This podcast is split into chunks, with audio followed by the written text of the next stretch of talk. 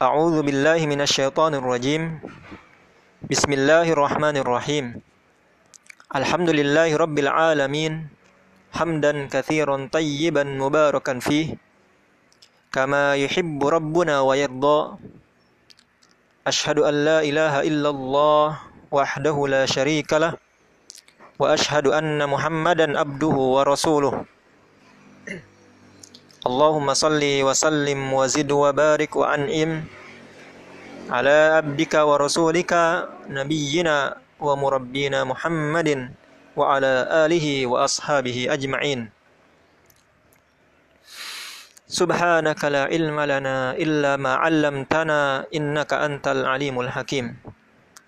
اللهم انفعنا بما علمتنا وعلمنا ما ينفعنا warzuqna uluman tanfa'una wazidna ya alim. Alhamdulillah Allah masih izinkan kita sampai saat ini untuk tetap bisa menuntut ilmu. Semoga kita bisa mengamalkan ilmu-ilmu yang Allah berikan kepada kita dan kemudian mengajarkannya kembali. Baik, insya Allah pada kesempatan kali ini kita akan sama-sama membahas dan mempelajari hukum-hukum fikih mengenai Al-Quran atau hukum-hukum seputar Al-Quran.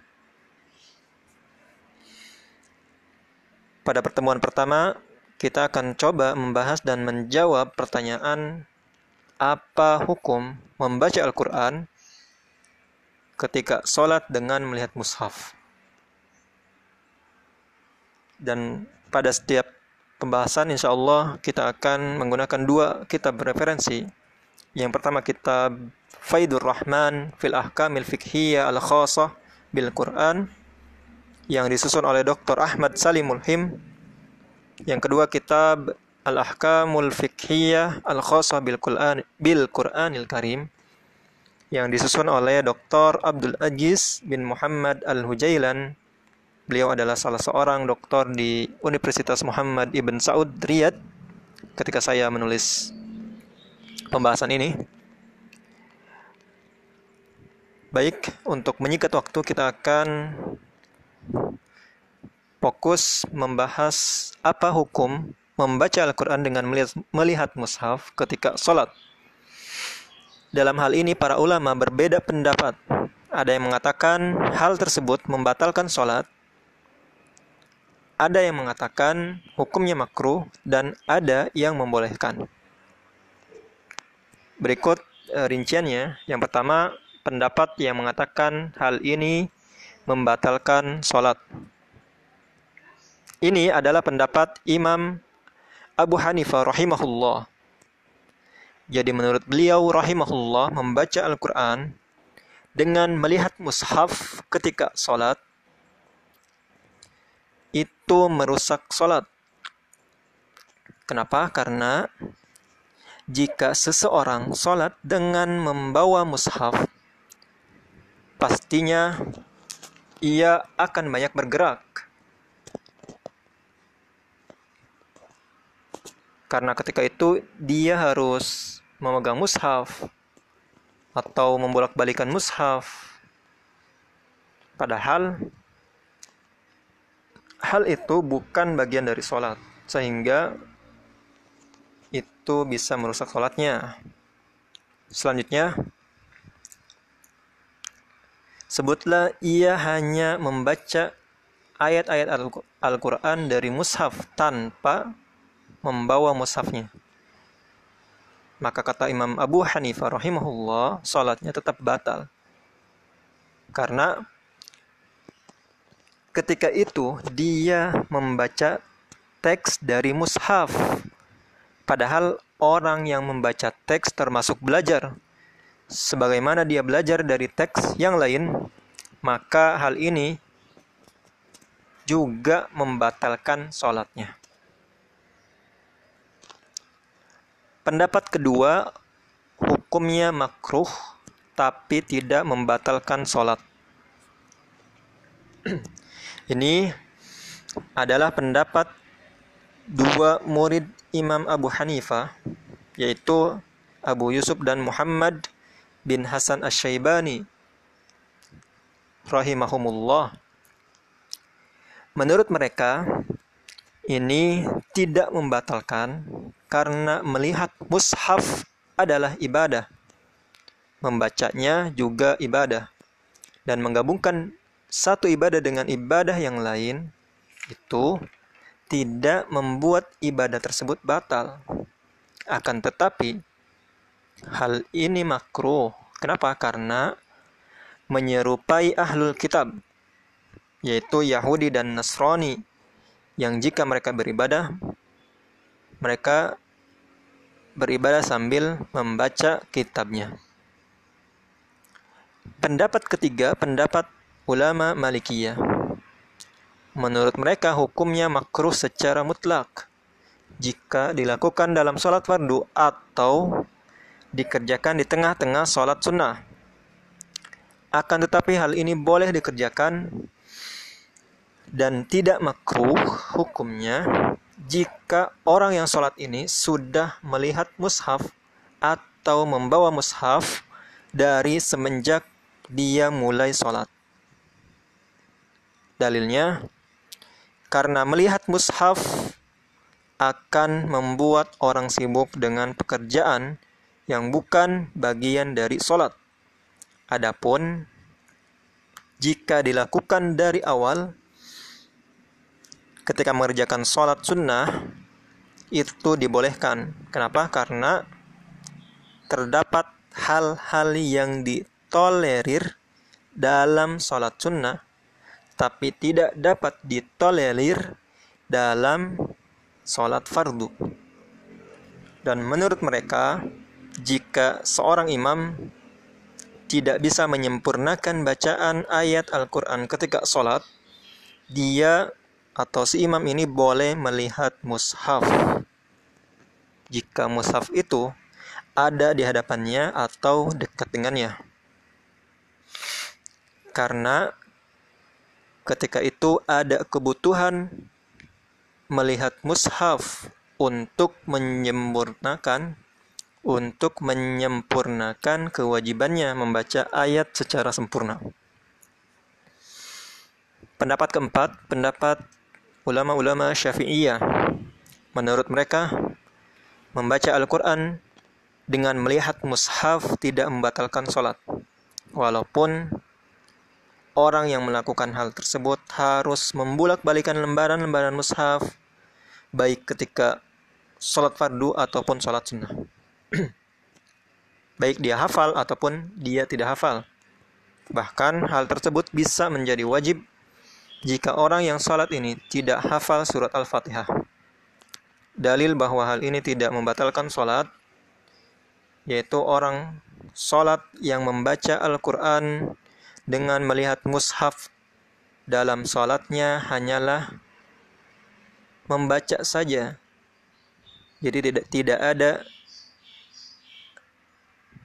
maksud yang lain dan tidak ada pekerjaan-pekerjaan yang lain yang dapat membatalkan sholat. Adapun pikiran dan pandangan yang disebabkan membaca tersebut tidak membatalkan, tidak termasuk perbuatan di luar sholat yang dihitung amalan banyak. Karena para ulama sudah bersepakat dalam hal ini ketika terjadi maksudnya ketika terpikir oleh kita atau kita harus memandang sesuatu karena melihat sesuatu selain mushaf maka hal tersebut dibolehkan. Maksudnya tidak membatalkan sholat. Apalagi kalau kita memandang mushaf atau terbesit pikiran karena memandang mushaf tadi maka pastinya ini lebih utama lagi, lebih boleh lagi atau lebih layak untuk menjadi alasan dan dalil tidak batalnya orang yang melihat mushaf ketika sholat. Selanjutnya, menurut mereka, talkin atau mengajari orang untuk mengikuti bacaan-bacaan sholat yang dilafalkan tidak membatalkan sholat orang yang diajari tersebut. Selanjutnya, masalah membulak-balikan lembaran mushaf karena harus membaca lanjutan ayat atau harus membaca ayat yang belum sempurna dan sebagainya tidak membatalkan sholat. Kenapa? Karena hal tersebut termasuk perbuatan yang ringan atau sedikit. Pendapat kelima, pendapat ulama Hanabilah. Menurut mereka, hukumnya makruh jika dikerjakan dalam sholat fardu. Karena biasanya dalam sholat fardu tidak dibutuhkan melihat mushaf. Dan dalam sholat fardu tidak mesti seseorang itu membaca ayat-ayat yang panjang. Cukup baca ayat-ayat yang pendek saja. Maka tidak dibutuhkan melihat mushaf ketika itu. Adapun dalil yang membolehkan seseorang sholat sambil melihat mushaf atau sambil membawa mushaf adalah sebuah athar yang diriwayatkan oleh Abu Bakar Al-Athram dan Ibnu Abi Daud yang ditulis oleh Imam Al-Bukhari dalam kitab sahihnya bahwa Ummul Mukminin Aisyah radhiyallahu anha pernah diimami oleh budaknya yang bernama Zakwan dan Zakwan ini membaca dari mushaf.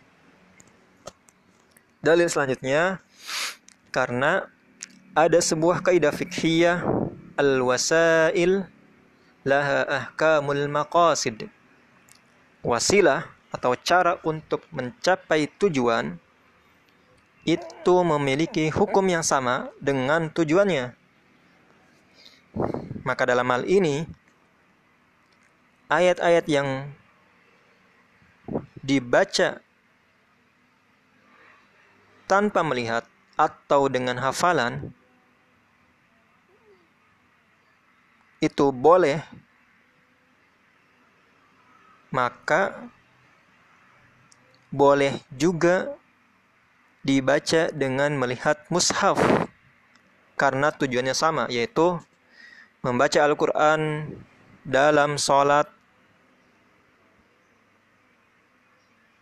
hanya saja caranya yang berbeda. Dan hal ini tidak termasuk pekerjaan yang banyak yang membatalkan sholat. Dalam madhab Hanabila ada riwayat yang lain dari Imam Ahmad rahimahullah yang mengatakan bahwa hal ini boleh dikerjakan baik dalam sholat fardu maupun sholat sunnah. Di pendapat lainnya Imam Ahmad mengatakan boleh dikerjakan baik dalam sholat fardu maupun dalam sholat sunnah. Jadi hukumnya tidak makruh. Pendapat keenam.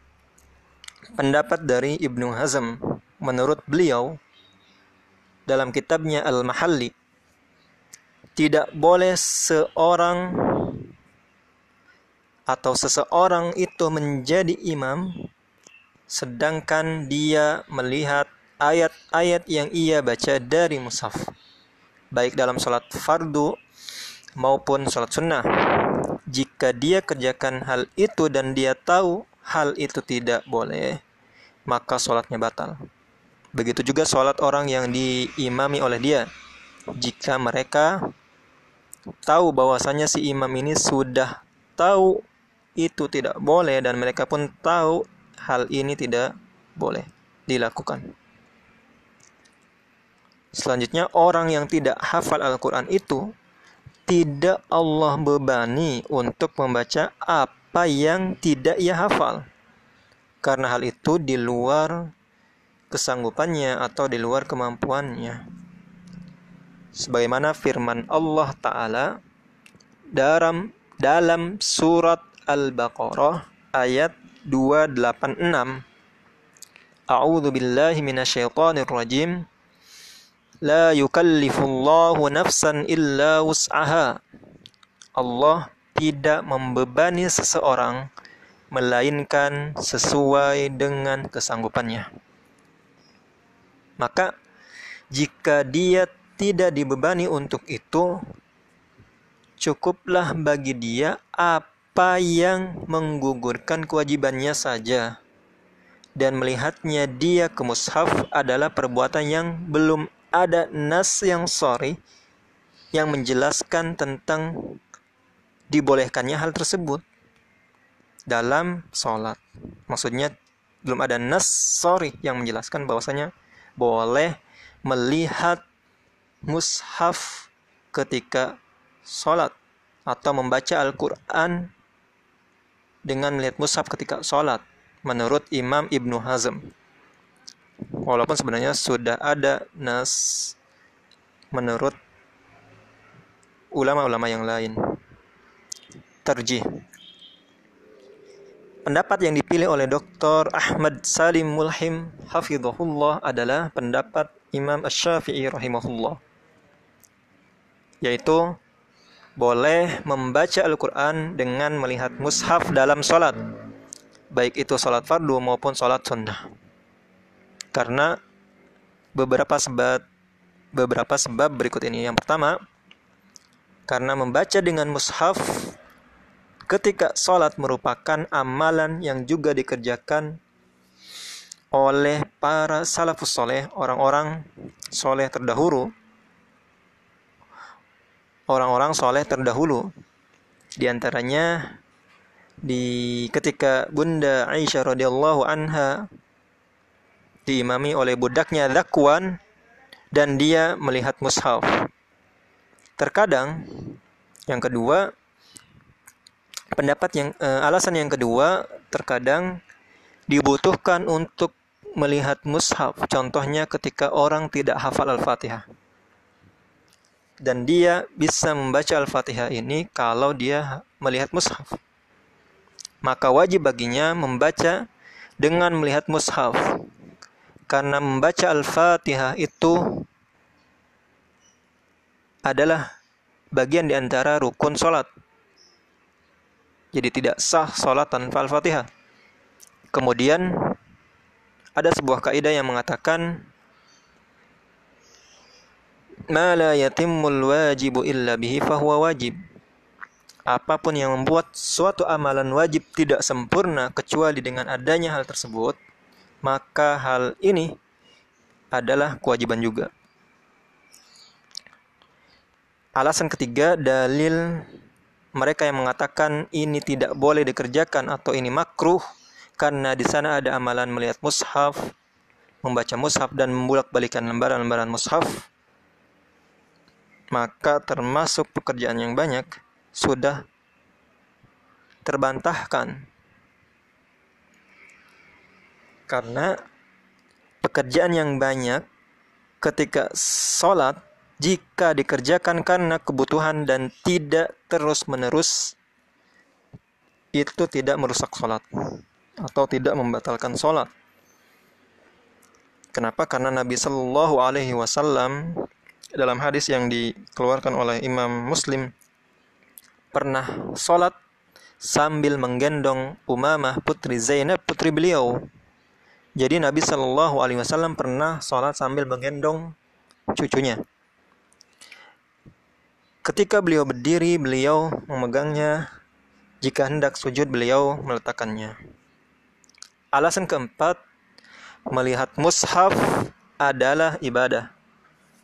Maka tidak termasuk sesuatu yang menyibukkan yang membatalkan sholat.